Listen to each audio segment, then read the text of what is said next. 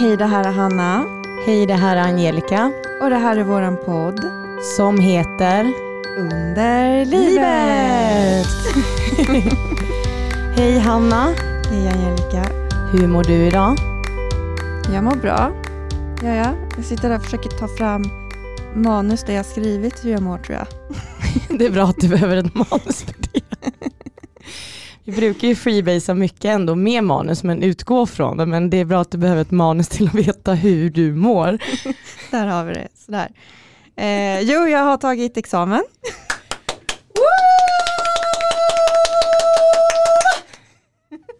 Tack! Grattis! Tack! Jag är nu ämneslärare i svenska och svenska som andraspråk. Behörig att jobba på högstadiet och gymnasiet och jag jobbar på gymnasiet sedan en termin tillbaka. Så där ska jag fortsätta i höst. Hur känns det att vara färdig? Tomt eller skönt eller? Nej, men just nu känns det nog bara skönt eftersom att jag har varit ganska så utbränd senaste tiden med plugg och med jobb. Och det är inte så att jag inte har någonting att göra. För direkt efter examen, ja, men då skulle mina elever ta studenten. Så att eh, nu eh, äntligen så är det faktiskt lite lugnt. Men eh, fortfarande mycket att göra. Ja, jag tror att när jag landar om en vecka kanske i min ledighet, då kommer det nog vara lite konstigt tror jag. Men så den här sommaren då har du liksom ett riktigt sommarlov utan jobb, utan plugg. Hur känns det? Ja, men jag brukar ändå ha det så. Jaha, du har inte sommarjobbat eller något? Nej, inte på hela min pluggperiod på sex och ett halvt år. Eh, jag har istället levt ganska så tajt under, under ja, året och sen så ehm, har jag alltid fått tillbaka ganska mycket på skatten eftersom att jag inte tjänar så mycket på ett år och så har jag kunnat leva eh, på jag har liksom fortsatt att betala ut CSN från mitt sparkonto till mitt eh, personkonto under sommaren. Det är ju skitbra ju. Mm. Jag, vill bara, jag vill bara säga en grej, för jag lyssnade lite grann på vårt avsnitt med Athena innan jag kom hit. Och eh, jag pratar väldigt långsamt i det avsnittet. Och sen så säger jag också, ja, otroligt långsamt. Och sen så säger jag också att jag inte riktigt vill gå in på hur en riktigt dålig smärta kan se ut när Athena frågar mig. Och eh, det här berodde på att jag, att jag hade väldigt, väldigt ont. Och jag fick det under tiden som vi spelade in. Och jag sa ingenting. Eh, men man kan nog höra på min röst innan och under smärtan. För att jag, ja. Om man, om man vet det när man lyssnar så tror jag att man hör. Men just när man tar också smärtstillande och har ont, då blir man ju väldigt seg. Ja, det blir man. Så där har vi ju svaret. Ja, precis. Hur mår du? Jag mår bra. Eh, riktigt bra dag idag måste jag säga. Eh, haft en lugn och skön helg. Eh, har levt väldigt mycket den här veckan på att vi firade ett år med podden förra helgen. Ja, vill du berätta lite om det? Eh, vi är så glada, det var så mysigt, det var perfekta vädret. Nej men alltså det finns ingenting att klaga, klaga på. Vi hade liksom som en livepodd med våra vänner. Eh, där vi hade styrt lite lekar, vi fick också fina presenter som vi verkligen inte hade förväntat oss. Och eh, allting med det här eventet har vi ju lagt ut själva också, så det var väldigt fint att vi fick lite tacksamhet. Vi hade det så bra. På grund av corona så var det ju så att vi, vi fick begränsa till våra vänner och sen så bjöd vi ju in också alla gäster som vi har haft i podden. Men eh, någon gång så ska vi väl ha ett event för, för er lyssnare också, för att vi vill ju träffa er. Det känns som att vi känner er, för att vi, vi kommunicerar ju ganska mycket med våra lyssnare på Instagram. Det är, det är, inte alla som följer oss, för jag vet att det är fler som lyssnar än vad som följer oss på Instagram. Men det är ganska många som vi faktiskt har kontinuerliga samtal med och som vi följer som också har endometrios. Så att det, vi har skaffat oss en fin grupp med människor. Och där, vi säger ju alltid lite för mycket men när vi säger lilla B men inte stora B. Det kommer komma ett event för våra lyssnare. Ja just det, det kan man ju säga. Eh, och det kommer komma, så håll utkik i sommar. Det, håller, det hålls på att planeras nu och eh, där kommer vi få träffa några av er hoppas vi. Eh, men mer info kommer under sommaren. Eh, men åter till eventet. Vi är så tacksamma, det var så kul och vi hade fina priser vi delade ut som alla blev väldigt glada över. Så att eh, vi vill tacka alla som kom. Eh, men jag mår bra som sagt och jag har en liten hälsning här idag och jag börjar den nu. Ja må hon leva, ja må hon leva, ja må hon leva ut i hundrade år. Grattis en av mina bästa vänner Denise som lyssnar på den här podden. Hurra, hurra, hurra! Nej men grattis Denise! Ja, jag ville ha med det. Eh, men nu kommer vi tillbaka till eh, podden här och vi kommer ju nu börja föreläsa med ABF och första tillfället var det 22 eller 23 september Hanna? Jag vet inte, jag var ganska 22 eller 23. Eh, vi kommer då ha fem kurstillfällen där man kan anmäla sig och vi kommer dela en länk där ni kan anmäla er. Så där kanske vi får träffa några av våra lyssnare och kanske någon av lyssnares anhöriga. Så länk inom kort hur ni ska anmäla er till kursen på ABF och den börjar i september.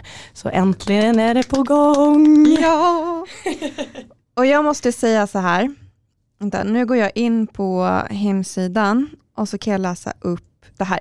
Studiecirkeln kommer att omfatta ämnesområden som vad är endometrios?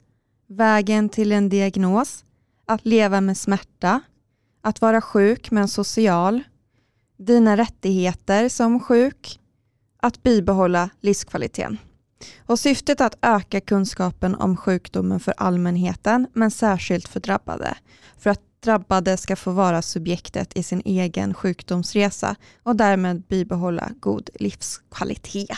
Så länk inom kort, hoppas vi får träffa några av er och eh, det vi vet nu är att det här kommer vara på distans. Exakt. Så att eh, det här är inte för alla i Stockholm heller utan det är för alla i hela Sverige. Mm.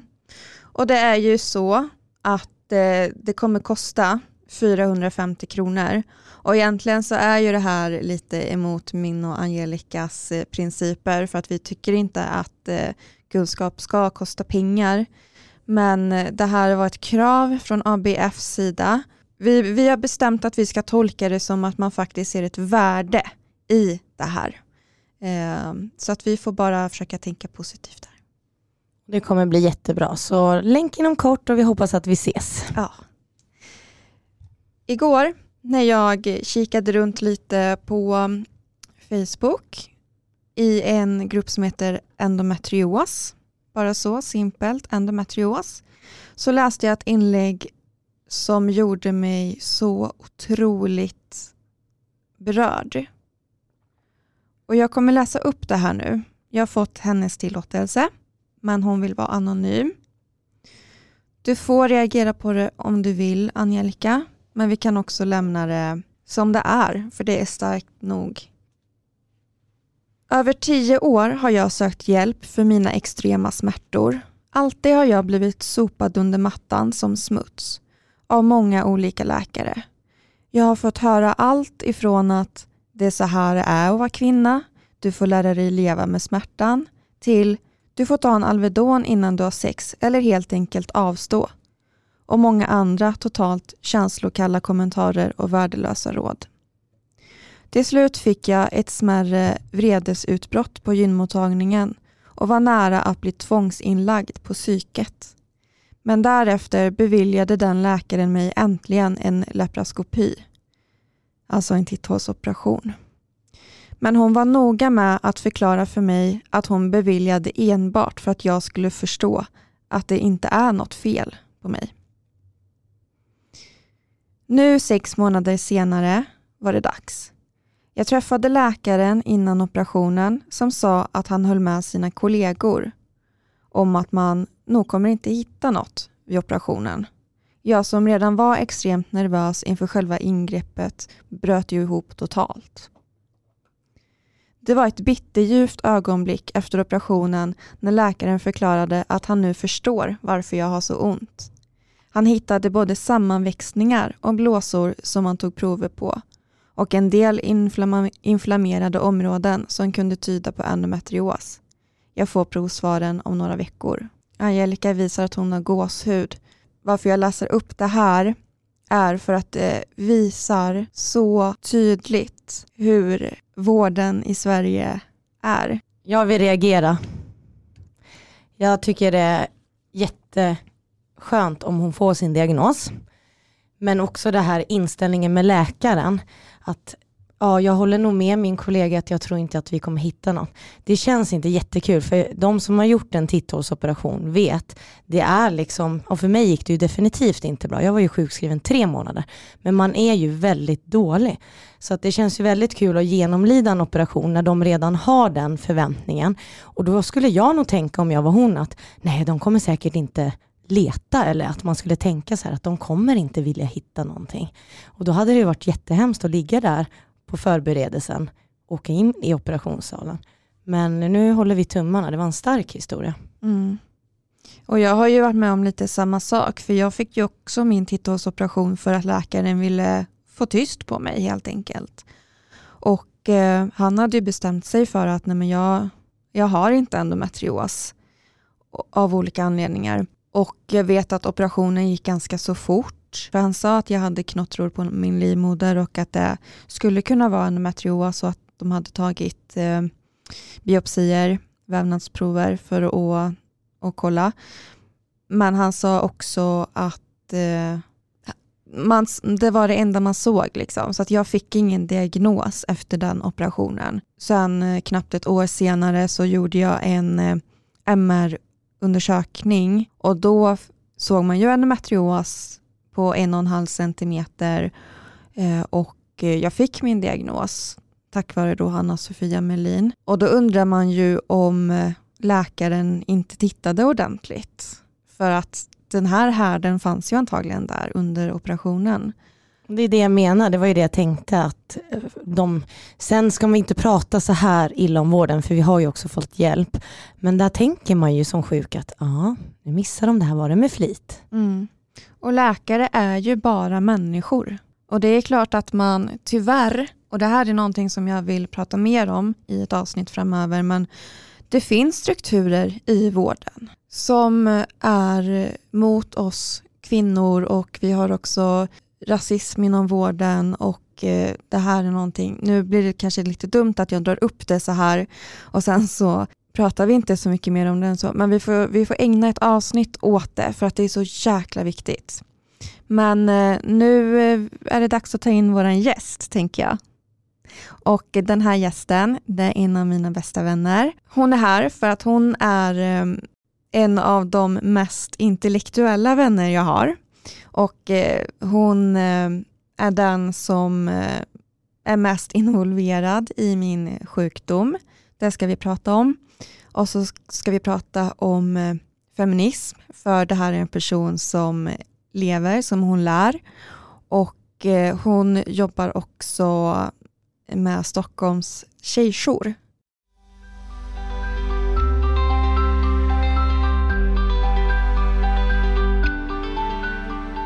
Hej Amanda! Hej! Hej! Hallå! Kul att ha dig här. Alltså jag är lite nervös för jag att ha dig det. Jag är också nervös. Hanna är som ett pirrigt barn, sitter och krymper ihop här. Ja men det känns lite som att eh, ja, men man, man kommer kanske lite under mitt skinn nu. Så känns det som. Att jag bjuder in till mitt. Förstår du? Mm. Lite så här, för, för Amanda är ju en av, en av mina allra finaste vänner. Tack. Så det här är väldigt privat och fint för Nej, men Jag förstår vad du menar. Det här är liksom en intim zon. Ja. Det är både så vad du gör, vilket kan vara nervöst tycker jag. Alltså att vara så, bjuda in någon till sitt jobb typ. Men också att ni pratar om, om så viktiga och stora grejer. Så att, ja, jag fattar. Jag känner lite samma sak. Och jag är ju bara förväntansfull och jätteglad. Jag är inte pirrig alls. Jag, jag vill bara veta mer, mer, mer. Vem är du? Eh, oj, vilken eh, svår eh, fråga. Men jag är ju eh, eh ja, men vän till Hanna. Vi är båda från Karlstad.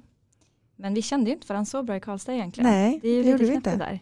Vi har ju typ lärt känna varandra här i Stockholm. Ja, mm. det är märkligt men så är det faktiskt med ganska många. Alltså att man umgås med värmlänningar som man inte umgicks med när man bodde där. Ja, verkligen. Men att vi är ett gäng nu. Men ni har inte gått i samma skola eller någonting? Jo, det har jo. vi. Och vi gick ju ganska liknande gymnasielinjer också. Men mm. du är ett år äldre än mig. Mm, precis. Så du gick ju media och jag gick sammedia. Exakt. Ja. Mm. Men jag minns inte dig från den tiden. Tack.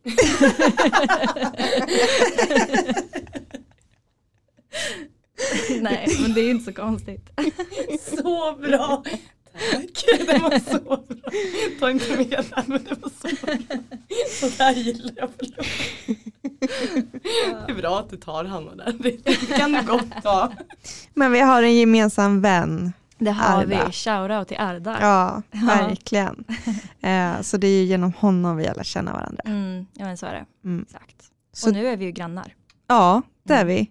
På Gärdet. Ja, ja, det är så härligt. Världen är så liten. Mm. Det är så mycket sådana stories man hör. Nu är ni till och med grannar i Stockholm. Liksom. Eller hur? Mm. Eh, nu ställer jag en rak fråga, berätta om dig själv. Men jag vill ju veta, ja, men vad jobbar du med? Vad har du för utbildning och lite sånt?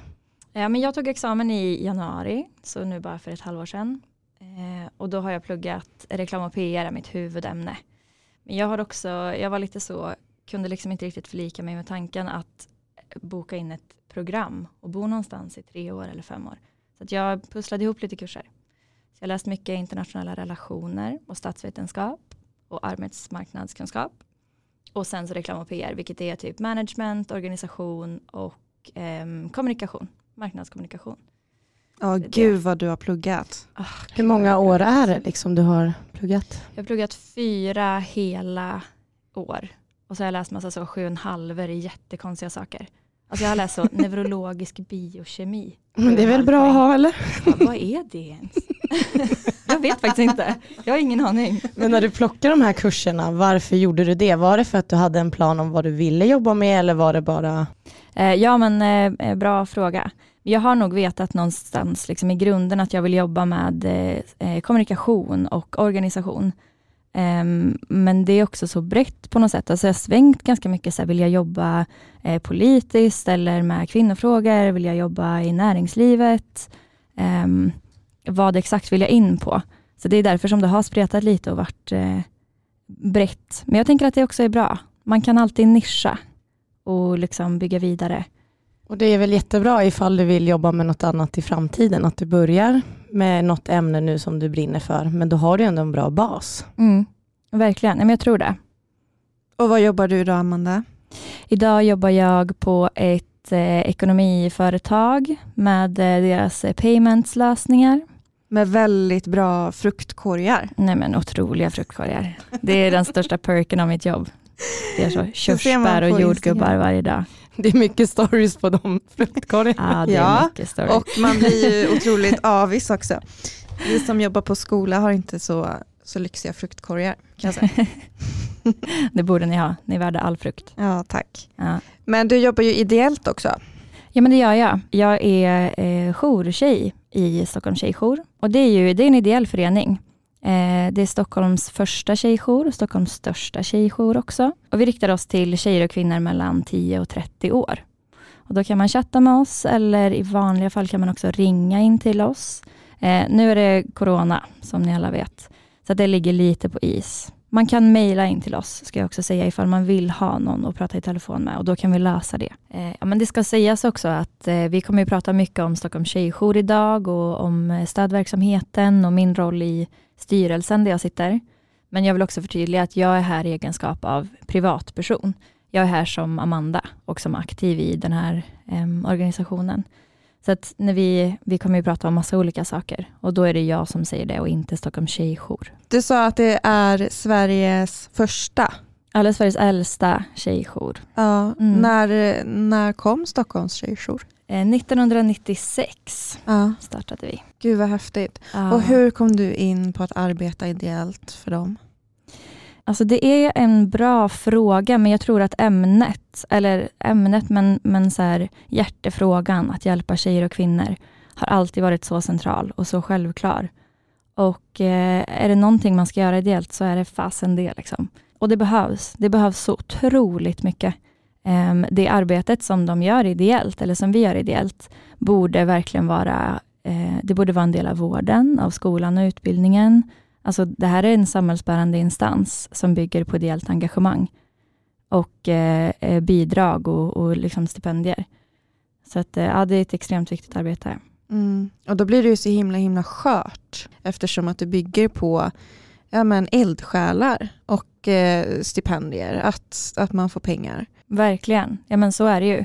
Eh, det finns väl alltid en rädsla för att man inte ska ha pengar nästa år, liksom, eller om två år eller om fem år. Och vad händer politiskt? Liksom? Hur, eh, hur påverkar svängar i liksom, regering och sådär mm. eh, finansiering till tjej och kvinnojourer? För det, det är verkligen en samhällsbärande instans. Men vad kan vi göra då? Eh, gemene man liksom. Kan vi hjälpa till på något sätt och skänka pengar? Det får man absolut göra. Det går att, att ge gåvor till jouren. Då kan man swisha in bidrag.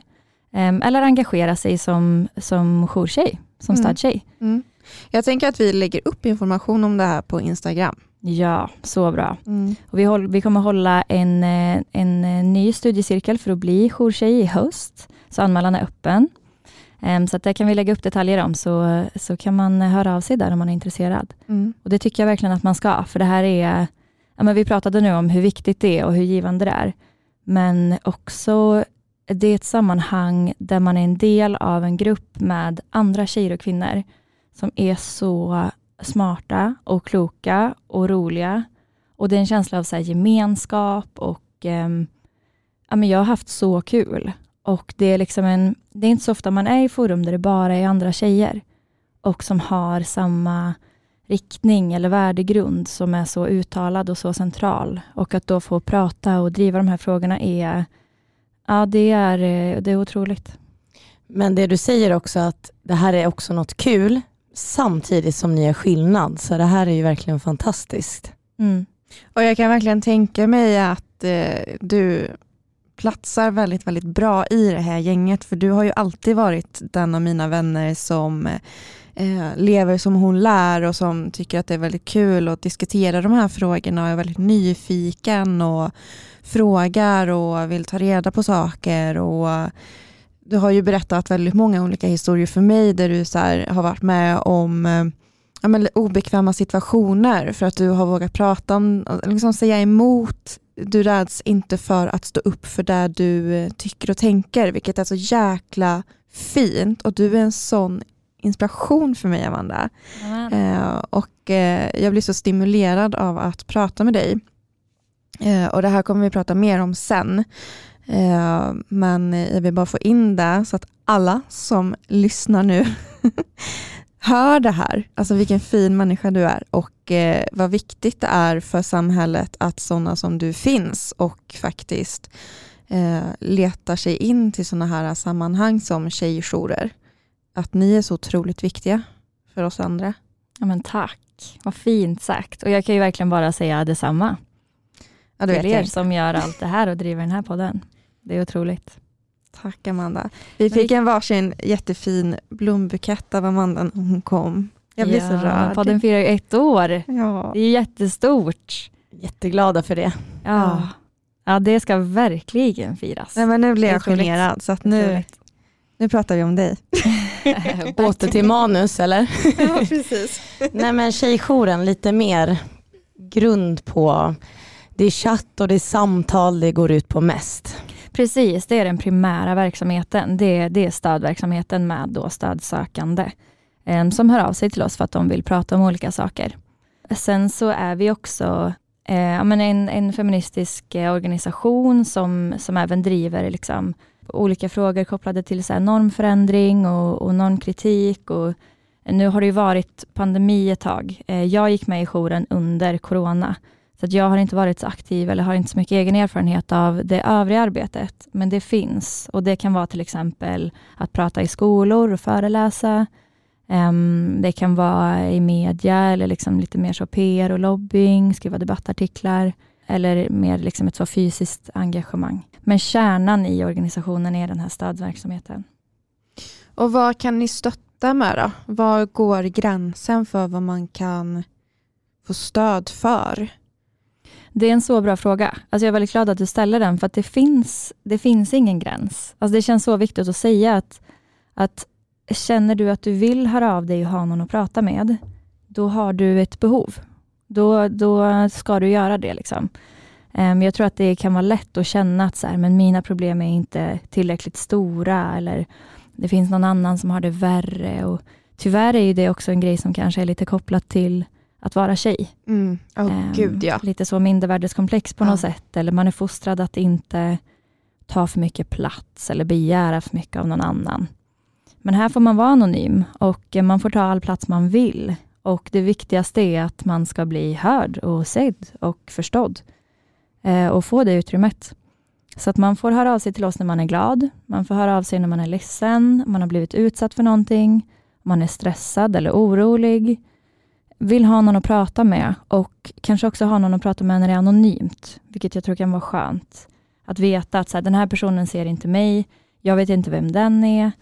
Um, det, det, kan ibland kanske vara svårt att prata med en familjemedlem, eller en vän, eller en terapeut, eller kurator, eller så där, som ju också finns där för att lyssna. Men, men jag tror att det finns ett väldigt stort um, syfte i att man också är anonym.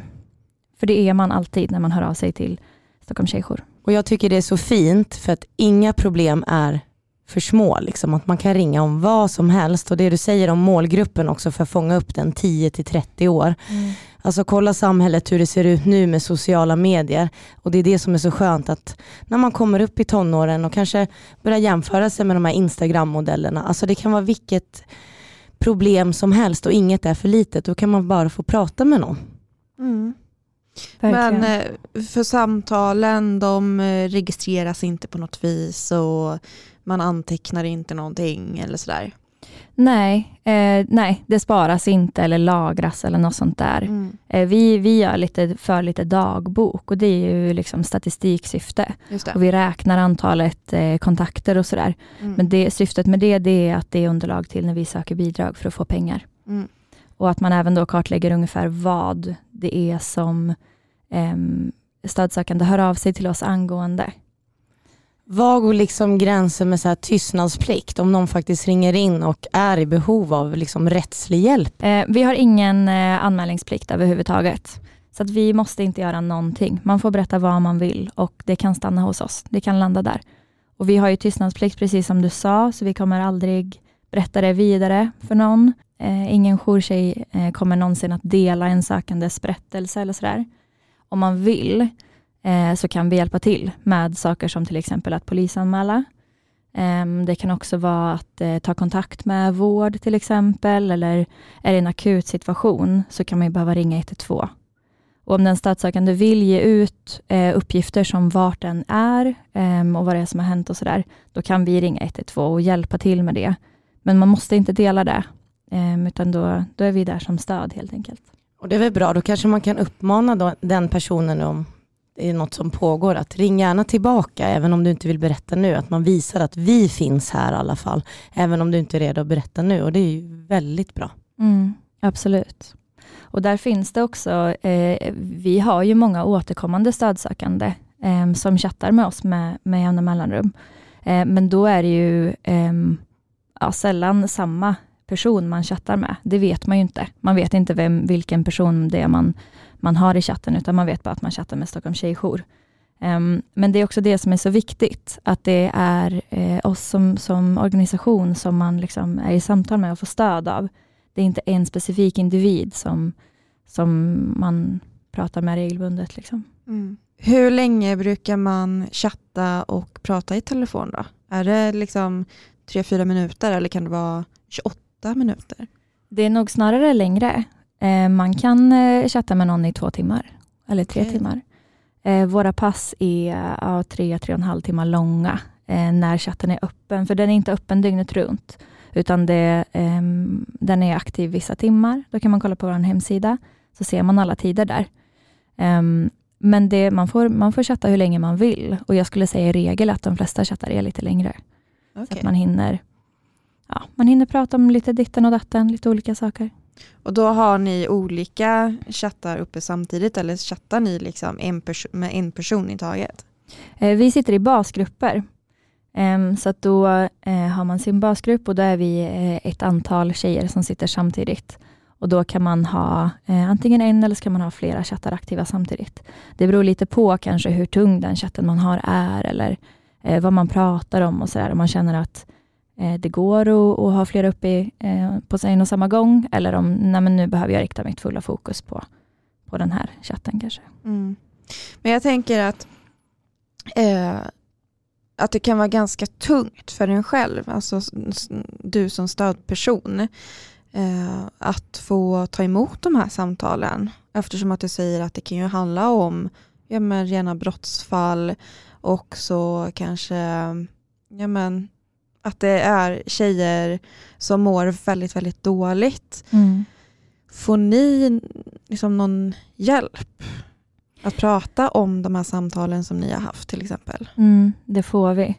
Ja men så är det precis som du säger. Alltså kollar man på statistik över, vi var inne lite på innan vad chattarna handlar om. Eh, och den allra, allra vanligaste är eh, våld eh, och psykisk ohälsa och eh, sexuellt våld, eh, sexuella övergrepp. Och när det handlar om psykisk ohälsa som primär anledning så ser vi att det väldigt ofta är kopplat till våld och sexuellt våld att när man börjar prata om det och ställer lite frågor så är det ofta det som det kommer fram till. Och det är supertungt. Alltså det är verkligen eh, att någon ska behöva eh, gå igenom det eller vara utsatt för det. Och så är det också så otroligt vanligt. Men vi har ehm, eh, absolut jättemycket stöd inom jouren.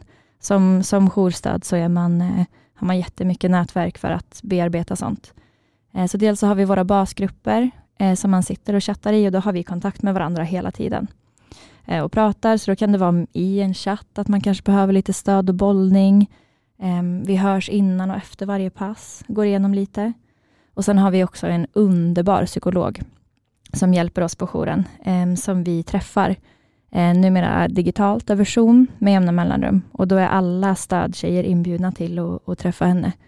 Så kan man lyfta, så här, jag har sett det här temat och hur ska man resonera kring det? Eller jag hade en, en chatt eller ett samtal som var så tungt. Vad, kan du hjälpa mig med det? Eh, och hon är, hon är otrolig. Ni är ju inte där för att ni ska lösa några problem, utan ni är ju där som stöd. Mm. Och jag tänker att det kan göra att man också känner sig väldigt otillräcklig, för man vill ju såklart lösa. Mm problemen och man vill ju mm. hjälpa till. Men har du upplevt det någon gång Amanda, att du, att du går hem och, och bara känner dig otillräcklig? Eller tänker du, är du mer fokuserad på vad du faktiskt har eh, lyckats åstadkomma för de här tjejerna? Mm, det är en jättebra fråga. Jag tyckte att det var supersvårt i början. Alltså jättesvårt. Och just inställningen där att vi är inte här för att hjälpa. För att det måste man också komma ihåg att, att man inte kan göra. Eller om, om man då med hjälpa eh, menar att så här, lösa och reda ut problemet, så att man går därifrån och är så, klart, bra, mm. tack och hej. Mm. Men det man kan göra som är minst lika viktigt, det är att, att lyssna och respektera och att, att säga uttalat att du är viktig och du förtjänar att prata om det här. Det är så vanligt att, att bära på massa problem eller saker man varit med om, men inte våga prata om det och kanske inte ha forum eller utrymme i sitt liv att göra det. Och att bara ha någon då som säger att så här, jag lyssnar och som kan säga att så här, jag tycker att du är så klok som resonerar på det här sättet eller du är så modig som berättar det här. Bara inleda samtalet med så här, tack för att du skriver till oss idag. Grymt! Gud vad bra att du vill prata om det. Och det kan vara stort eller litet. Och Sen tror jag också en annan jätteviktig grej som samtal eh, med en, en jour kan medföra, det är att spegla. Att, att eh, en stödsökande kan berätta om en relation som den har, eller en händelse den har varit med om. Och att någon då säger att, vet du vad, det du berättar för mig nu, det kallar vi för våld. Det du beskrev för mig nu, det är olagligt. Eller, um, det här som du berättar om, det är inte en en stereotyp, eh, ett stereotypt uttryck för kärlek eller omsorg, utan det här är tvärtom. Liksom. Och att kunna då inse det och att få, um, att få syn på det. Och då kan nästa steg kanske vara att om man vill polisanmäla eller prata med en psykolog eller ja. Händer det att folk när ni väl kommer till den punkten typ loggar ut då eller liksom att då har det liksom gått för långt för den personen, att den bara försvinner ur chatten? Det kan det göra. Absolut, det, det har nog hänt. Och det är jättesvårt. Alltså just chattforumet är väldigt svårt på det sättet för att det kan vara någon som dröjer väldigt länge med att, att skriva. Det kan vara någon som är väldigt fåordig, som egentligen bara säger ja och nej och hm och kanske. Det kan vara någon som du säger som avslutar en chatt mitt i ett samtal och det är en superjobbig känsla, för då vet man inte. Så var det, var det något som jag sa? Um, kände den sig obekväm eller sådär? Men då måste man också komma ihåg att um, man vet inte vart den personen är och vad den personen gör. Och tyvärr så är det också ganska vanligt att man kan kontakta oss angående någonting man är utsatt för, där man bor med sin förövare. Och Då kan det också vara så att om den personen är hemma eller skulle komma in i rummet eller se att den har sin dator öppen, så kan den inte fortsätta det samtalet. Och Då får man hoppas att den har möjlighet och ork att återkomma en annan gång. Mm. Så att, alltså, ehm, fy fan, Gud, jag blir mm. helt... Jag blir verkligen berörd av det du säger, Amanda. Mm. Och just att du säger att våld är ett sånt himla vanligt eh, problem. Alltså, som ni ser det väldigt vanligt förekommande. Men jag tänker också, i vilka åldrar är de här som pratar om att de upplever våld i sina relationer? Alla åldrar skulle jag säga. Eh, som vi sa här förut så är vår målgrupp 10 till 30. Men det är ingenting vi frågar om. Alltså man har all rätt att inte berätta sin ålder och ganska sällan så, så gör man det. Ehm, det kan i så fall kanske vara att, att Ehm, den stödsökande berättar att den går i skolan eller ehm, är sjukskriven från sitt jobb eller sådär. Och då kan man gissa lite kring hur gammal den är för att kunna anpassa samtalet efter det. Men det sker i alla åldrar. Det är det som är så hemskt. Alla de här sakerna, alltså våld, sexuella övergrepp, ohälsa, otrygghet hemma. Det börjar ju i barnsben och för vissa slutar det aldrig. Liksom. Jag tänker till exempel de här som kanske loggar ut och bor med sin förövare som du sa. Mm. Deras chatt när de väl trycker ner, då försvinner det också. Det är inget som sparas hos... Nej, det gör det inte. Det gör det inte. Um, och är man inne på um, hemsidan stockholmstjejjour.nu så finns det också en knapp i hörnet där det står lämna sidan. Så man har alltid snabb tillgång att kunna trycka uh. där och då stängs sidan ner och försvinner. Fan och det är av samma anledning. Ja. Men det är via datorn, jag har ingen app. Nej, nej, det är via hemsidan. Och ringer man till oss, då är det, um, då är det ett dolt nummer. Så att vi ser inte vilket telefonnummer man ringer ifrån. Samtalet kostar ingenting, utan det är jouren som betalar för det. Och det syns inte på telefonräkningen. Finns det en period då fler söker stöd? Det är en bra fråga. Um, I regel så vet vi att behovet är större kring högtider, kanske på sommaren och julen. Men av samma anledning som vi var, hem, eller var inne på här precis med alltså när folk är lediga och hemma. Um, så det är, det, är, inte alltid så att trycket följer behovet, om ni förstår vad jag menar. Um, men Stockholm Tjejjour har öppet året runt. Det är öppet över jul, det är öppet över sommaren. Vi har inga uppehåll. Så det går alltid att kontakta oss. Mm. Mm. Och eh, sker allt stöd på svenska eller om man eh, talar arabiska? I dagsläget när man chattar med oss eh, under våra vanliga eh, öppettider så kan man göra det på svenska eller på engelska.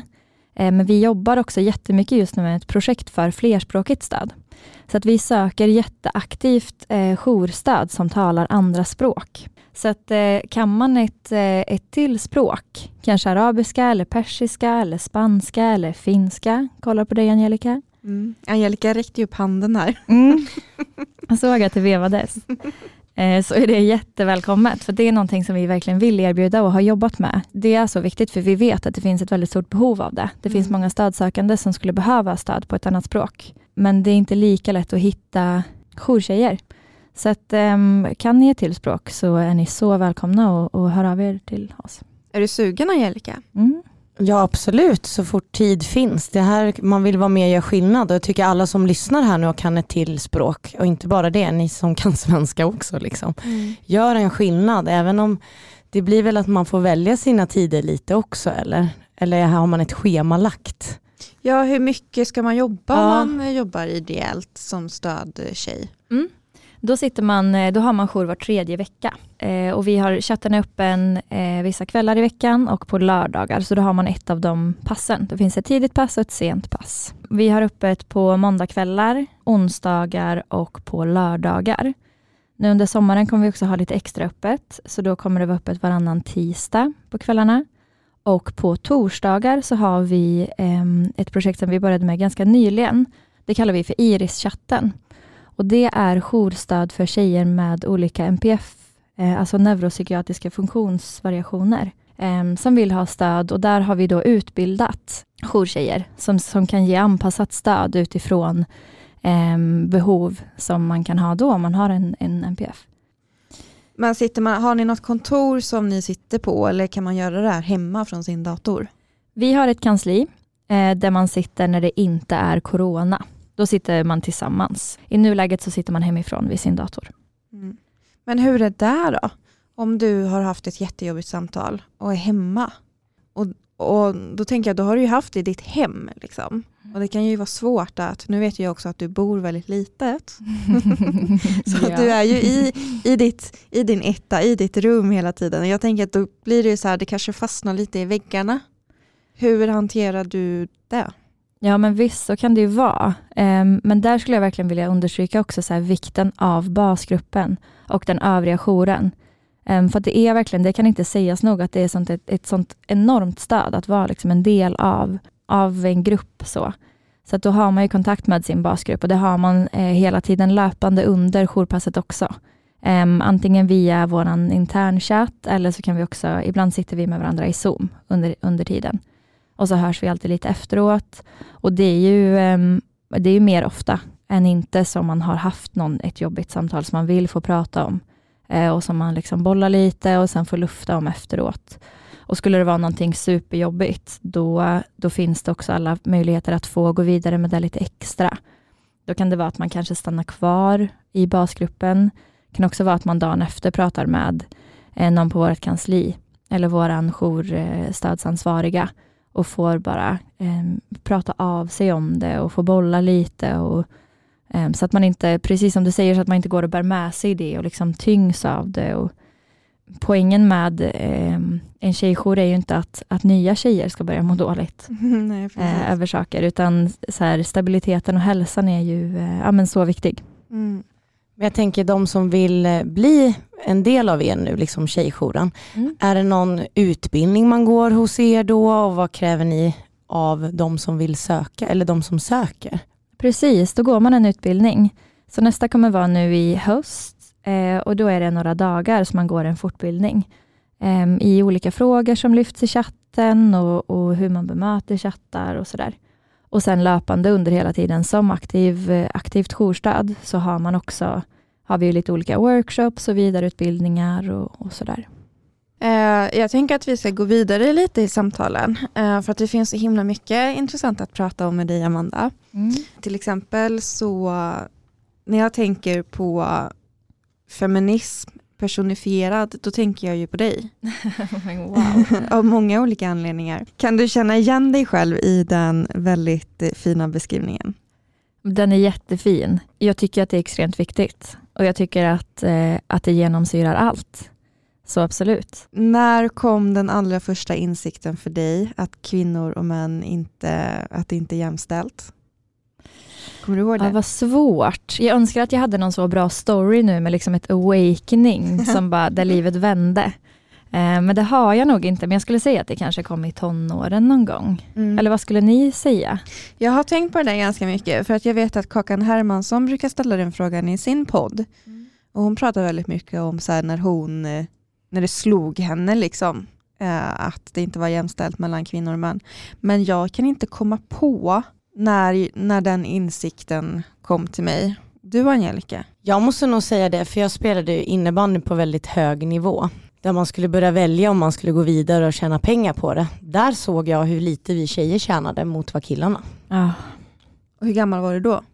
Nej men jag har ju spelat sedan jag var fyra, jag slutade 2013 så att ja, jag måste tänka det måste ju vara liksom efter gymnasiet där i samband med när man skulle ta ett val om man skulle plugga vidare eller så. Mm.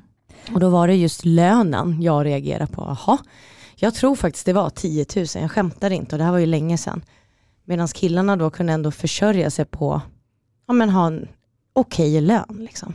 Mm. Men jag hade behövt ett till jobb och träna sju dagar i veckan och ha till jobb. Mm. Varför skulle jag göra det som mm. tjej och killarna behövde inte det. Det var nog då det slog mig. Mm. Jag tänker att det blir väldigt tydligt i sporten just eftersom att eh, ja, men det har ju väldigt, varit väldigt många sådana diskussioner om att kvinnor tjänar mycket, mycket mindre än män och eh, det här med vad man ska ha på sig. Nu senast så läste jag om eh, eh var det beachvolleyboll mm. tror jag, ja, Amanda nickar. Eh, tjejerna ska ha, alltså det är verkligen så centimeter att trosorna ska vara si och så stora. Eller si och så små kanske jag ska säga, för de är väldigt små och de får inte vara bredare i grenen än eh, viss centimeter och så vidare. Och så vidare. Och de ska ha någon sport-bh på sig och den ska se ut på ett visst sätt. Medan killarna tävlar i shorts och t-shirt. Och eh, de har inte de här eh, kraven på centimeter hit och dit. Och jag tänker också på tennis och den kampen där som Serena har har fått ta. Liksom. Och jag har en annan grej också där med innebandy när vi när det började gå bra för oss, då skulle vi söka spons. Killaget, alltså i samma ålder, hade liksom skitbra, de fick innebandyklubbor. Vi blev då komiskt nog sponsrade av Hörselskadades riksförbund. Nu jobbar jag med hörsel, men det var ju för att vi fick ju dra i alla trådar från våra kontakter. Vi fick ju ingen spons, för vi ville också ha en uppvärmningströja. Det är jättesjukt. Jag tänker också, ja, som du sa här med lön, och det finns ju liksom ett så gammalt och trist argument när det kommer till sport, att eh, på damsidan är det inte lika underhållande. Och Det är därför som det inte förtjänar lika bra sändningstider i TV och kanaler, spons, marknadsföring. Men allt det där hänger ju ihop. Alltså det är klart att det är underhållande och minst lika underhållande, men det måste också behandlas som det av liksom kanalen där programmet sänds. Bra kommentatorer, en bra expertpanel som sitter i studion och pratar om det. Eh, att få spela innebandy på en bra arena och det där hänger bara ihop med hur det hanteras av samhället. Liksom. Mm. Men det är helt sjukt, nu kommer jag på en till grej. Det var ju också att vi fick de sämsta träningstiderna. Tänk dig ändå att man pluggade på gymnasiet, det var ändå tufft. Jag tyckte det var jättejobbigt så här, köra igång efter, man var ju rätt så skoltrött. Men då var det också att vi fick de sämsta träningspassen och de som lyssnar i laget, ni vet, alltså vi tränade från 21.30 till 23.30, alltså så här, tisdag, torsdagar.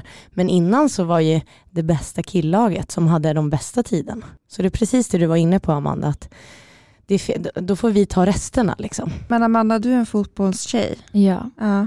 Kan du känna igen det här från din egen sport? Ja, men det kan jag absolut göra. Hela narrativet kring liksom, um, damfotboll versus herrfotboll på något sätt, eller dam och herrsport. Mm.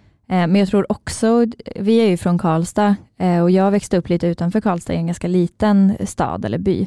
Och där fanns ju också problemet att kullarna sällan var tillräckligt stora. För att kunna få ihop till ett tjejlag så kanske man var tvungen att slå ihop flera årskullar. Eller att slå ihop med en annan stad som låg en bit bort och då fick man åka långt för träningar eller ja, men hela den biten. Och Det gjorde också att när jag var så 14 så kunde jag spela en match där med kanske damlaget, där de flesta andra var kanske fyra eller fem år äldre. Eller man mötte motståndare där de hade spelare med som var typ i mina föräldrars ålder, för att man pusslade lite ihop lag. Och skaderisken då blir också så extremt hög. Mm. Så både, jag tänker både innebandy och fotboll så är ju alltså knäskador jättevanligt. Och det är mycket vanligare bland tjejer än bland killar. Mm. Och Det har att göra med vilka man möter, men det har också lite att göra med fysik, att man ofta är, är lite längre och smalare i lederna och har lättare att liksom vrida korsband och sådana grejer. Mm. Det finns en så tydlig skillnad från, från barnsben. Jag tänker att för att koppla tillbaka till din fråga Hanna, men när man upptäckte det, så tror jag att jag hade nog inte det, de feministiska liksom glasögonen på mig när jag var liten. Men däremot nu i efterhand när man tänker tillbaks, absolut så här, i fotbollen, jag spelade också innebandy i jättemånga år, eh, i skolan, så här, man fick alltid sitta varannan kille, varannan tjej. Mm. För att killarna åt sudd och spottade på varann. Och då fick vi sitta mitt emellan och så, vara en liten buffert. Liksom. Eller så satt tyst och gjorde femmans mattebok när man gick i trean, medan killarna målade urokajer. Liksom. Mm. Och det bara var så.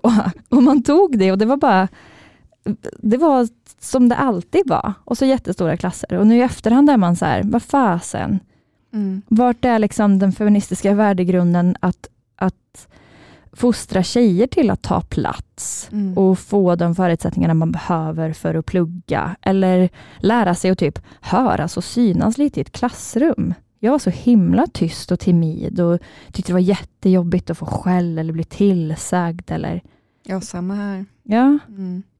Ja, men man, vi skolades verkligen in i strukturerna mm. utan att vi var ja, men medvetna nog att eh, säga ifrån. Mm. Och när vi förstod, då, då var det liksom kört redan. Verkligen. Man mm. önskar att man hade haft lite mer skinn på näsan och att man Mm. hade fått beröm för att vara lite kaxig. Mm. Vi fick bara lära oss att det var något man inte skulle vara. Mm. Man skulle inte vara så tuff, tuff och uppkäftig och sådär. Medan killar, alltså vi fick beröm för att vi var duktiga och tysta och snälla. Och killarna fick så, ja, de fick göra lite vad de ville. De fick beröm om de var coola eller duktiga på sport eller för sina prestationer. Liksom. Mm. Ja, det är helt sinnessjukt. Men Amanda, vilka diskussioner har ni haft runt eh, middagsbordet eller i soffan hemma under uppväxten? Verkligen. Eh, Jag växte verkligen upp med eh, så att vi pratade mycket om saker som hände i världen eller liksom eh, ja, men absolut mycket politik, men jag tror att det kanske snarare har varit kopplad till viktiga frågor eller värdegrund och människosyn. Liksom. Eh, Och jag kan vara väldigt tacksam. Jag funderade på det inför det här samtalet, för att jag fick den frågan av dig inför. Och när jag reflekterar över det så är jag så tacksam över att vi pratade mycket om samhällsfrågor och man kan ha mycket åsikter och liksom sådär. Men jag har aldrig blivit inbankad någonting av mina föräldrar. Jag har aldrig blivit upplärd en viss eh, åsikt eller politisk färg eller liksom sådär. Utan jag har nog bara fått med mig någon sorts eh, grundläggande människosyn och värdegrund och vad som är viktigt. Och det, det är jag så tacksam för. Vad jobbar dina föräldrar med? Eh, jag nervös att jag ska säga fel. Min pappa är, han är programmerare och min mamma jobbar på Konsumentverket. Hon är journalist och kommunikatör i botten och nu är hon eh, ställföreträdande generaldirektör. Någon så vice chef på Konsumentverket. Jag tänker att du kommer ju från en bakgrund där man är väldigt nyfiken då kanske. Verkligen, och, men det ska väl också sägas att här, jag kommer från en akademisk bakgrund. Jag kommer från en, en bakgrund där liksom, det har funnits pengar. Eh, det har funnits möjligheter, så det är ett privilegie också. Men, men den viktigaste saken jag har fått med mig är nog så här, dörren är alltid öppen. Alla är välkomna. Vårt Mm. hus har alltid så kryllat av folk från massa olika håll och att det viktigaste är liksom att, att se Det alla här- och ta tillvara på det. Ja, nu är vi inne på det här med jämställdhet. Hur var till exempel din sexualkunskap i skolan? Var det tydligt där killar, tjejer uppdelade eller hur var det? Kommer du ihåg? Ja, men jag tror att det var det. Sen hade man ju det stora blocket av sexualkunskap, om jag minns rätt, var i åttan. Och då bodde vi i Australien. Skryt. så då var inte jag här. Eh, så jag missade mycket av den. Och det har jag eh, alltså så tänkt på i efterhand. För då pratar man mycket om kanske så, könssjukdomar eh, och sådana grejer. Och den eh, fick jag aldrig riktigt med mig. Men du säger det stora blocket. Ja, eller jag ser, jag minns det typ som att man hade så sexualundervisning en gång under högstadiet på schemat och så var det inte jättemycket mer. Nej, precis. Men det här kan vara helt fel. Nej, jag har ingen aning. Jag tror att det är olika beroende på skolan också ju. ja, vi, vi pratade om det så som du minns det. så, så dumt här om jag minns helt fel. Men däremot en grej, för det, man hade väl också kanske, det kom väl då lite mer fragmentariskt, men en grej som är ganska knäpp är ju att det ligger under det naturvetenskapliga enbart. Alltså jag tänker att, att sexualupplysning skulle vara indelat i två block, där det ena är det naturvetenskapliga, vilket kanske är så. Hur funkar kroppen när man har mens? Vad är endometrios? Vad eh, kopplat till sex utifrån det perspektivet. Men den andra halvan som kanske är nästan ännu viktigare är ju så samtalet kring sex. Mm. Och samtycket och vad är okej och det sociala spelet och normer kring manligt och kvinnligt kopplat till allt det här. Ja, gud ja, verkligen. Eller vad känner ni? Vad, vad minns ni av sexualupplysningen? Jag minns att vi fick hälla, jag minns att vi fick hälla eh, vätska på bindor. Det kommer jag ihåg.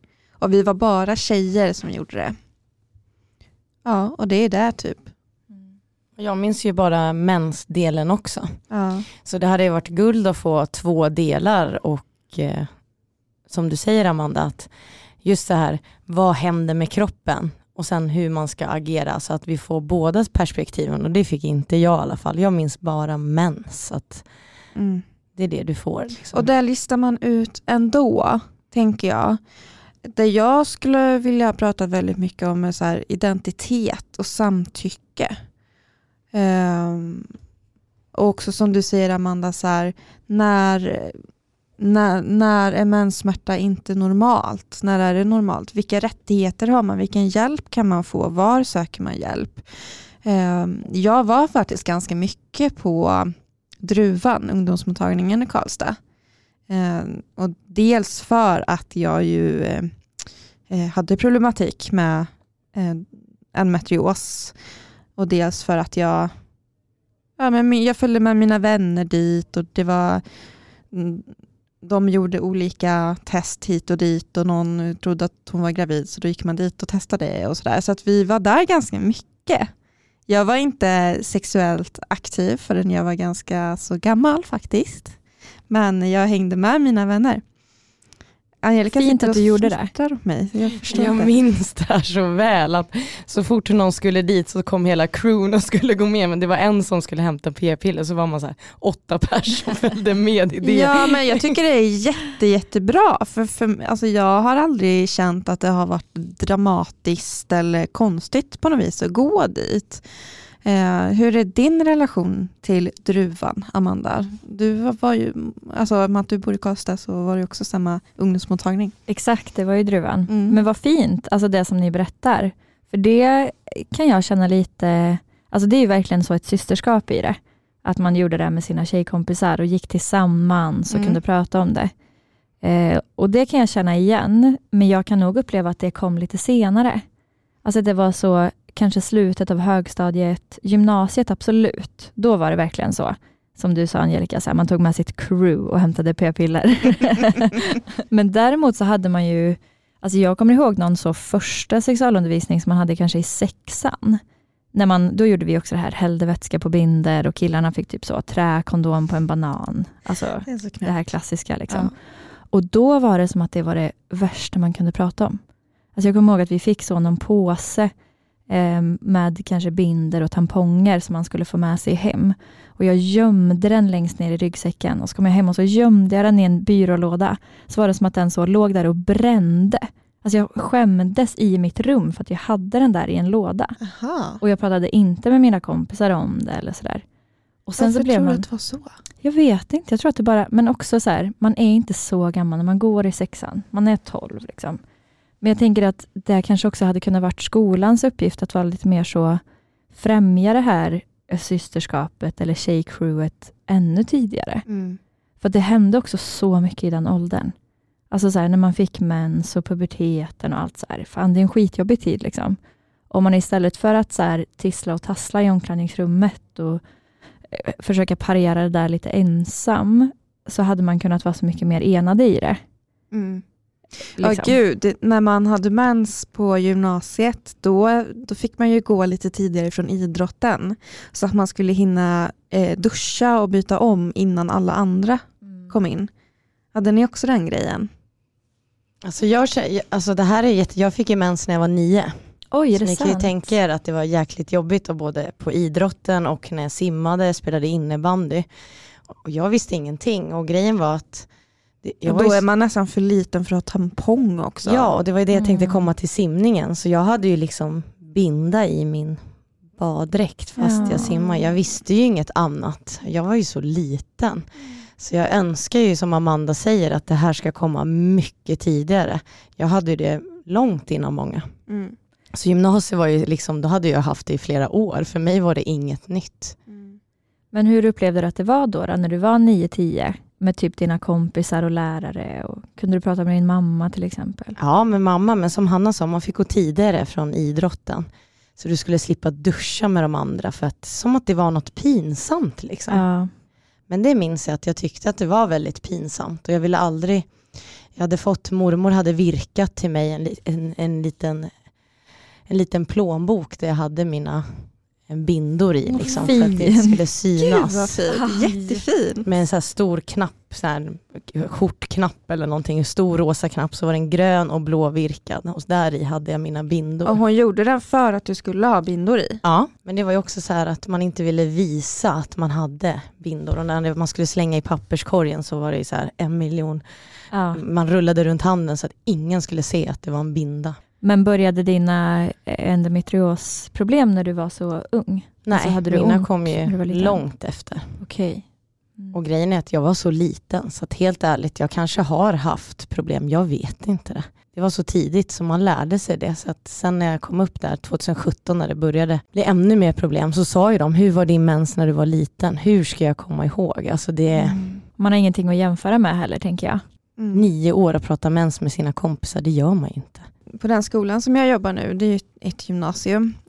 Skolsköterskan skickade faktiskt ut ett mejl till alla vi som jobbar på skolan, all, all skolpersonal, om att nu är det många elever som, eh, som kommer till mig och har väldigt mycket mensvärk och så här kan man göra då. Och, och så skrev hon lite om så här, den här mensvärken när det känns sådär, då, då ska eleverna liksom få vidare hjälp och, och lalala. Varför den här informationen kommer ut på min skola är ju för att hon är en eldsjäl. Mm. Och jag tror att det är på väldigt många skolor som man missar att eh, informera lärarna om att vi har elever med den här problematiken. Det är inget konstigt. Vi måste tro på våra elever när de berättar att de har så ont. Det finns anledning att skicka hem dem eh, och så vidare och så vidare. För den här problematiken finns ju på varenda gymnasieskola. Det låter ju helt otroligt. Och just det här att informera personal om det också, för det tänker jag är så viktigt. Ja, att verkligen. ha andra lärare som fattar och så här, kunskap är ju key på något sätt. Liksom. Mm, så är det verkligen. Men Amanda, hur har det varit, du som är Hannas kompis, hur har det varit att stå bredvid Hanna med endometrios? Vill ni berätta lite om er relation kring endometrios?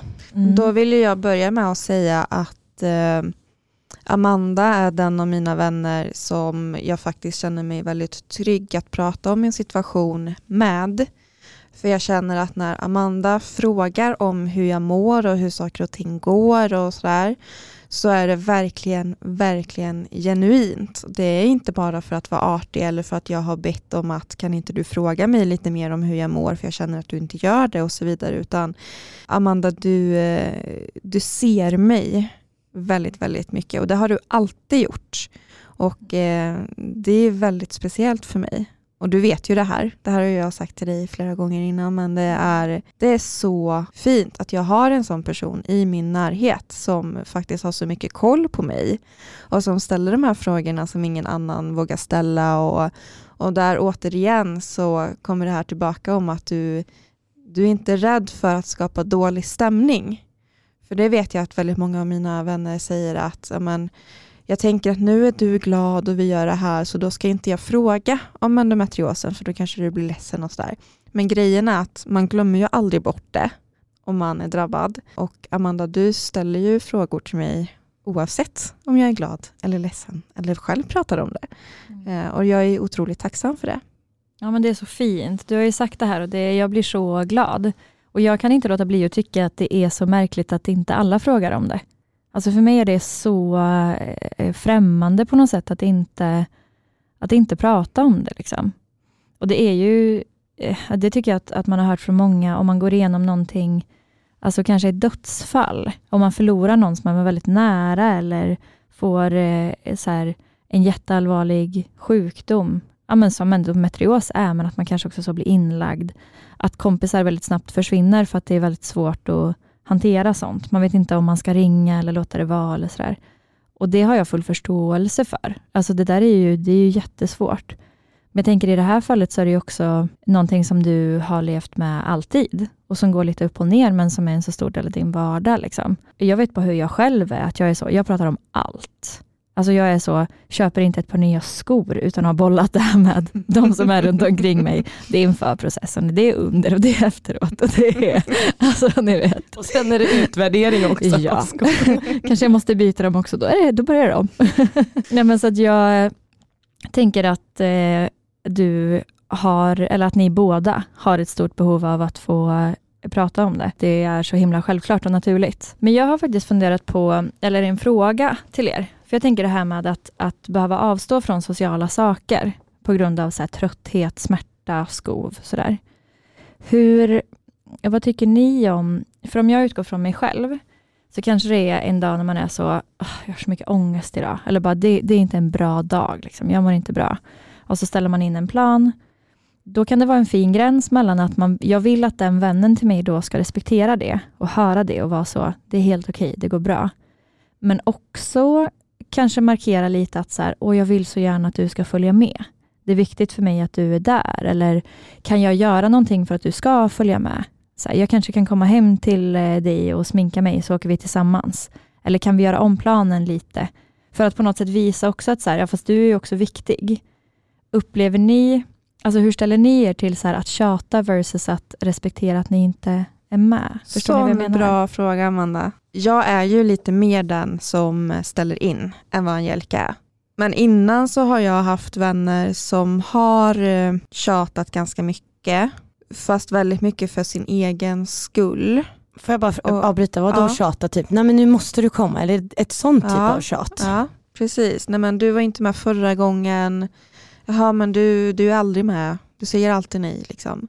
Och till slut så, så slutade de ju fråga mig om jag ville vara med.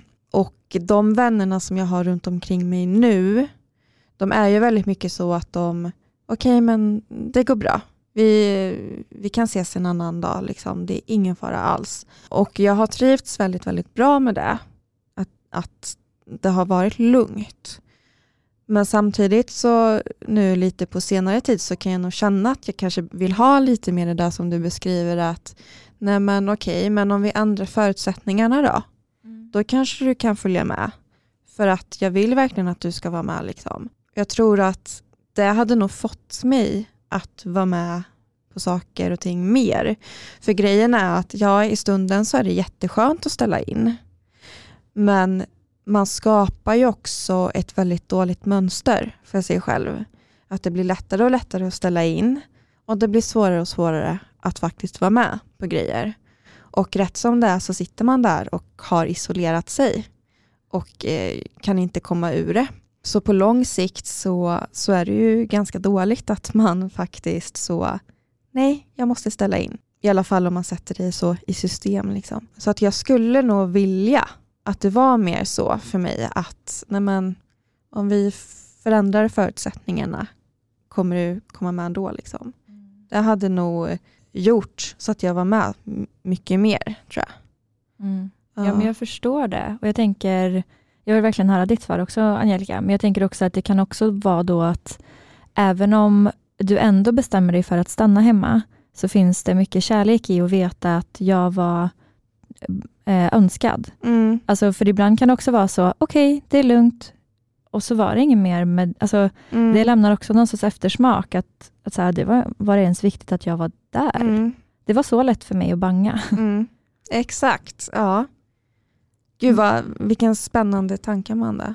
Mm. Och Amanda och du också Angelica för den delen, ni vet ju båda hur dålig jag är på att så här, själv be om hjälp och att be om sällskap och sådär. Att jag också väldigt ofta säger nej det är lugnt, okej, det går bra, ja jag hör av mig om jag behöver. Och så gör jag inte det, så att jag måste ju verkligen också jobba på det där och kanske också ställa lite krav att så här, eh, nej jag kan inte följa med om vi gör på det där sättet, men kan vi kanske lösa det på något annat sätt så att jag kan följa med.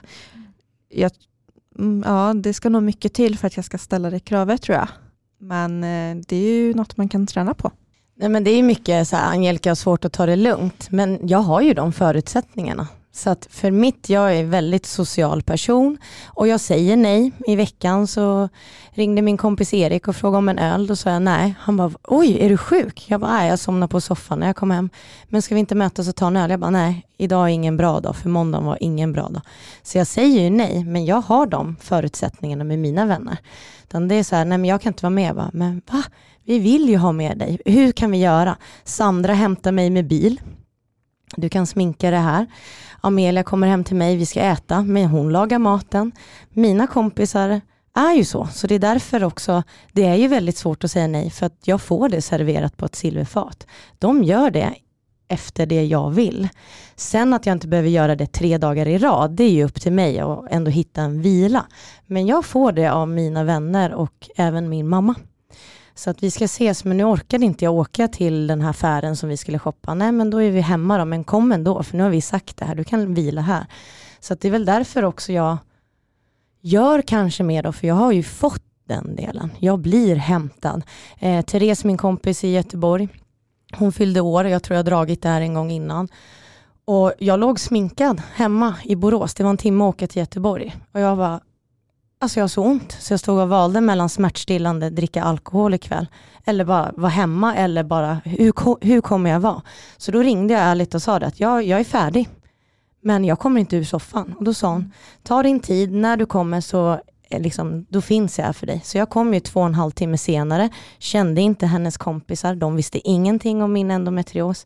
Hon direkt satte mig i soffan, gav mig en sån här Piggelin-drink, vad vill du ha? Jag tror inte jag rörde mig någonting den kvällen. Jag fick vetekudde, allting. Sen när det var dags att gå ut så får jag ju kramp i benen. Och alla bara, ah men det är så nära att gå, det är så nära att gå.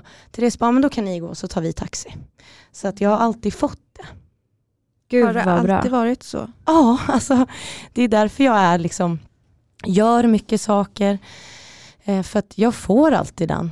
Jag får den hjälpen och även det har varit på jobbet också. Alltså, jag har verkligen ingenting att klaga på. Så det är nog därför det är så väldigt svårt att säga nej. För att jag mår ju också väldigt bra för jag får ju det jag behöver. Mm. Mina kompisar testar min tens, alltså vi kan sitta och prata om den där tensen en timme, fast vi egentligen skulle ha en vinkväll. Nej men då blev det chips och prata om tens. Kan inte du testa den på mina axlar, sa Denise. Och så började det hoppa liksom för att det liksom gav så mycket stötar. Mm. De är liksom med hela tiden. Min sjukdom blir en del av sällskapet. Så att därför är det ju mycket så att Angelica ska säga nej, men det är ju väldigt svårt. För de Alltså ni är fantastiska, ni allihopa. Killar som tjejer alltså. Jag blir jätterörd. Mm. Så, men där, varför jag bör säga nej, det är för att jag kanske inte ska göra tre saker eh, på rad, utan mm. tacka nej till något. Men de förutsättningarna är att jag blir hämtad, jag blir ompysslad. Jag har till och med blivit sminkad innan en dejt som jag verkligen skulle gå på, för det här var en toppenkille. Ja, då sminkade Denise mig. Gud vad fint, det låter, ju, det låter ju så himla fint verkligen. Ja, och sen är det jobbigt för mig när man mår dåligt. Och då är det bara så att man är tyst. Mm. Och är man två, då märks det ju tydligt. Ja, men då drar man på en film eller någonting. Det är ju bara jag som känner att jag är elefanten i rummet. Jag har ju frågat dem, oj, dagen efter, gud förlåt för igår, det var så himla tråkig. Bara, Va? Ja, det är jättetrevligt. Det var jätteskönt att ta det lugnt. Men det är jag själv som tror det. Ja, ja men exakt. Och det är så himla svårt att få bort de där hjärnspökena. Mm. Men Amanda, jag undrar, för, och, och, du kan ju också svara på det här Angelica, för det känns som att det ibland kan bli så himla mycket fokus på mig och min endometrios när vi ses. Eh, och att vi kan prata väldigt mycket om eh, ja, men det jag behöver prata om. Mycket eftersom att eh, med dig så är det faktiskt enda gången som jag faktiskt kan prata om vissa saker. Kan inte du känna så ibland att så här, nu sågs vi och eh, vi pratade ingenting om dig och vad du, det du behöver prata om, för du genomgår ju också saker. vet du, jag har aldrig känt så. Jag har aldrig en enda gång känt så när jag har träffat dig. Verkligen. Alltså, för jag tycker, jag håller inte, jag, vi delar inte bilder. Jag tycker inte att det är så. Jag tycker att du är otroligt bra på att ställa frågor. Och du kommer ihåg, du minns alltid vad vi pratade om senast och, och eh, liksom lägger saker på minnet och frågar och, och sådär. Så jag håller inte alls med om det. Och även om det skulle vara så, så skulle det också vara helt okej. Okay. Jag vet inte, det enda jag önskar är bara att du, ja men vi är tillbaka på det här med att ta plats. Alltså det var så i skolan, vi uppfostrade på det sättet och vårt så här förbannade jobb då som feminister är att bara ha, ta den platsen. Mm. Och göra det och våga och typ orka också göra det. För det handlar inte bara om att våga, det handlar om att man ska liksom palla det. Mm. Ni hade något avsnitt med en psykolog. Kan hon heta Anna? Mm, det heter hon. Ja, när du pratade om så att vara en duktig flicka och att man har så många områden där som man ska prestera på. Mm. Att vara duktig i skolan och vara en bra lärare och en bra flickvän och vän och innebandyspelare och på alltså alla de här områdena. Och då tänker jag att så här, ett område där man måste typ ta av sig den eh, stenen från axlarna är i sina vänskaper. Mm. För att man bär den överallt annars. Och så här, eh, det är ju en sån genuin vilja från, jag kan ju bara tala för mig själv, men jag kan tänka mig att det applies till alla dina vänner, att så här, det viktigaste är att du mår bra och att du är, är bekväm. Liksom. Och om det innebär då att prata om endometrios eller tensmaskinen eller så här, ja då gör man ju det. Det är ju en del av dig. Jag kanske pratar i 45 minuter om någonting annat som jag är. Någon, någon konstig situation på jobbet som är svintråkig för er, men ja, det var vad som pågick i mitt huvud. Liksom. Jag blir jätteberörd av det här. Mm. Hör ni vad klok hon är?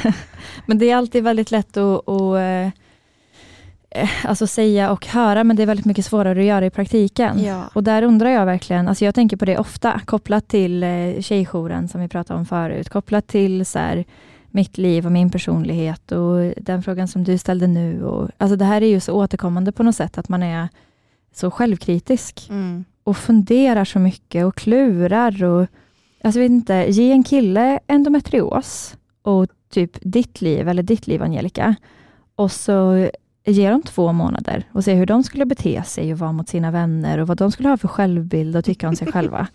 Mm. Inte fan skulle de vara så, åh det är så jobbigt för jag måste ta andras tid med det här. De hade ju startat ett sjukhus dedikerat åt dem och forskning. Startat det. det är faktiskt helt sant. Det är, det är så sant. Mm. Nej men det är verkligen det. Jag vill också säga, för jag hamnar ju också vänner, men jag är så här, det är så viktigt det du säger. Det här behöver vi som sjuka höra. Nej men jag tänker inte så. Jag fick inte mitt utrymme. Jaha, men jag fick träffa dig. Mm. Och det är också det, Hanna och jag är ju väldigt olika och jag, kan ju, jag, jag kallar mig också en typ av jourberedskap här med Hanna, för jag har sagt det till henne, jag finns där. Jag har min bil, jag kan komma, men det händer ju aldrig. Nej, exakt. Det händer ju aldrig. Men jag tror ändå, även ni som lyssnar nu, nu är jag ju som, även fast jag är sjuk, så blir jag också kompisen. Så att det här perspektivet också, det här att bara för att någon inte tar emot det ni säger, då tycker jag det är viktigt att man säger det. Eller typ som man säger till Hanna, vet du vad, i lördag så tänkte jag på dig. Jag var beredd att åka till dig om du hade behövt min hjälp. Mm. Så liksom stäng inte ute det utan bekräfta gärna igen att jag tänkte på dig i lördags, jag ville komma till dig. För det är jätteviktigt för oss som är sjuka. Mm. Och det är det som vännerna kan ge och det är det finaste tycker jag. att eh, du ställde in men du var i mina tankar. Eller nu om man inte kom på den här festen, vi säger att jag tackar nej. Att man kanske får en, en liten snapchat eller någonting. Mm. Hej Angelica, vi saknar dig. Alltså, allt sånt här är så viktigt. Mm. Det är verkligen sant. Man behöver bekräftelsen. Eh, jag tänker en sista fråga. Mm. Eh, och nu, det kanske är svårt att ställa den här som sista fråga för den, nu öppnar den upp till ett helt nytt ämne. Men eh, hur är din erfarenhet av kvinnovården, Amanda, så rent generellt? Jag har ju ganska lite erfarenhet faktiskt. Um, jag fick mens ganska sent uh, och um, har haft en spiral, en Mirena hormonspiral sedan jag var 17. Idag är jag 28. Mm. Så jag har haft den i 11 år. Man har du har i... inte haft så många biverkningar, eller hur? Inga. Alltså det är det bästa jag gjort i hela mitt liv. Mm. Man har ju en, en, den typen av spiral har man i fem år, så jag är inne på min tredje. Mm. Och jag är helt blödningsfri. Så jag, har inte, jag, kommer inte, jag vet inte hur det är att ha mens. Typ. Jag kommer inte ihåg hur det är. Liksom. Gud vad skönt. Ja, nej, men det är ju nästan skönt. så att det är helt sjukt att säga och typ speciellt i den här studion. Liksom. Man får säga. Man får. Nej, jag var med i podd, en podd som heter eh, Verkligheten P3. Då, då pratade jag om det, om att jag inte haft mens på jättelänge och den manliga reporten frågar då Saknar du din mens? eh, nej, det gör jag inte. Absolut inte. Saknar du att ha diarré? Eller liksom. Det är så knäppt. Som ja. att vi kvinnor vill gå runt och ha mens. Ja. Det, det, finns det väl såklart vissa som eh, vill liksom och tycker det är jättehäftigt och sådär. Men nej, nej, vi kan absolut vara utan den. Ja, mm. det är ju, ja men precis, det är man ju hellre. Mm. Sen är det klart att det finns eh, någon sorts så i bakhuvudet, en rädsla för vad hormoner gör med ens kropp. Alltså hur, hur spiralen påverkar en på lång sikt. Om det är så att det påverkar min liksom, eh, förmåga att få barn. Alltså det finns ju tusen frågor kopplade till hormoner och preventivmedel. Och det förtjänar också mer utrymme än vad det får. Mm. Det borde man ju prata och forska mycket mer om. Gud, ja. um, men um, det är också lite så out of sight, out of mind i mitt liv. Att det mm. existerar inte just nu och då behöver inte jag tänka på det. Nej, och du kan väl ändå inte göra någonting åt det tänker jag. Nej, det är faktiskt så. Ja. Om du visste att det fanns några små risker med spiral på lång sikt, hade du tagit ut den då? Alltså det finns väl risker tänker jag. Mm. Um, men jag har ju inte gjort det. Nej. Ja, och då kan jag plockade ut den i eh, något halvår bara för att jag var så, ville testa hur min kropp funkade utan. Mm. Det var också en period jag hade ganska mycket ångest och mycket, var mycket så andra kemiska balanser som var for åt olika håll. Mm. Och då äter man ju preparat också som påverkar det där. Och då var det som att jag klurade på sambandet mellan det och hormoner. Så då tog jag ut spiralen för att, att bara låta kroppen inte påverkas av ytterligare en grej. Men jag märkte faktiskt ingen skillnad. Mm. Gud vad då, skönt. Då satte jag i en ny. Ja. Jätteskönt ju. Det är superskönt. Ja, för annars brukar det ju vara lite som att så välja mellan ja, pest eller kolera. Ja men verkligen. Så är det ju för så himla många. Ja. Så att, eh, ja, det är ett privilegium. Du får njuta. Du, det gör jag. Mm. Amanda, Tack mm. så jättemycket för att du kom hit. Tack själva. Jag är så glad för dig och jag är så glad att jag har dig i mitt liv. Du är verkligen en tillgång. Du berikar mitt liv. Gud vad fint. Detsamma. jag kan verkligen bara skicka tillbaks. Mm. Och eh, jag älskar ju den här podden. Jag tycker att ni är grymma.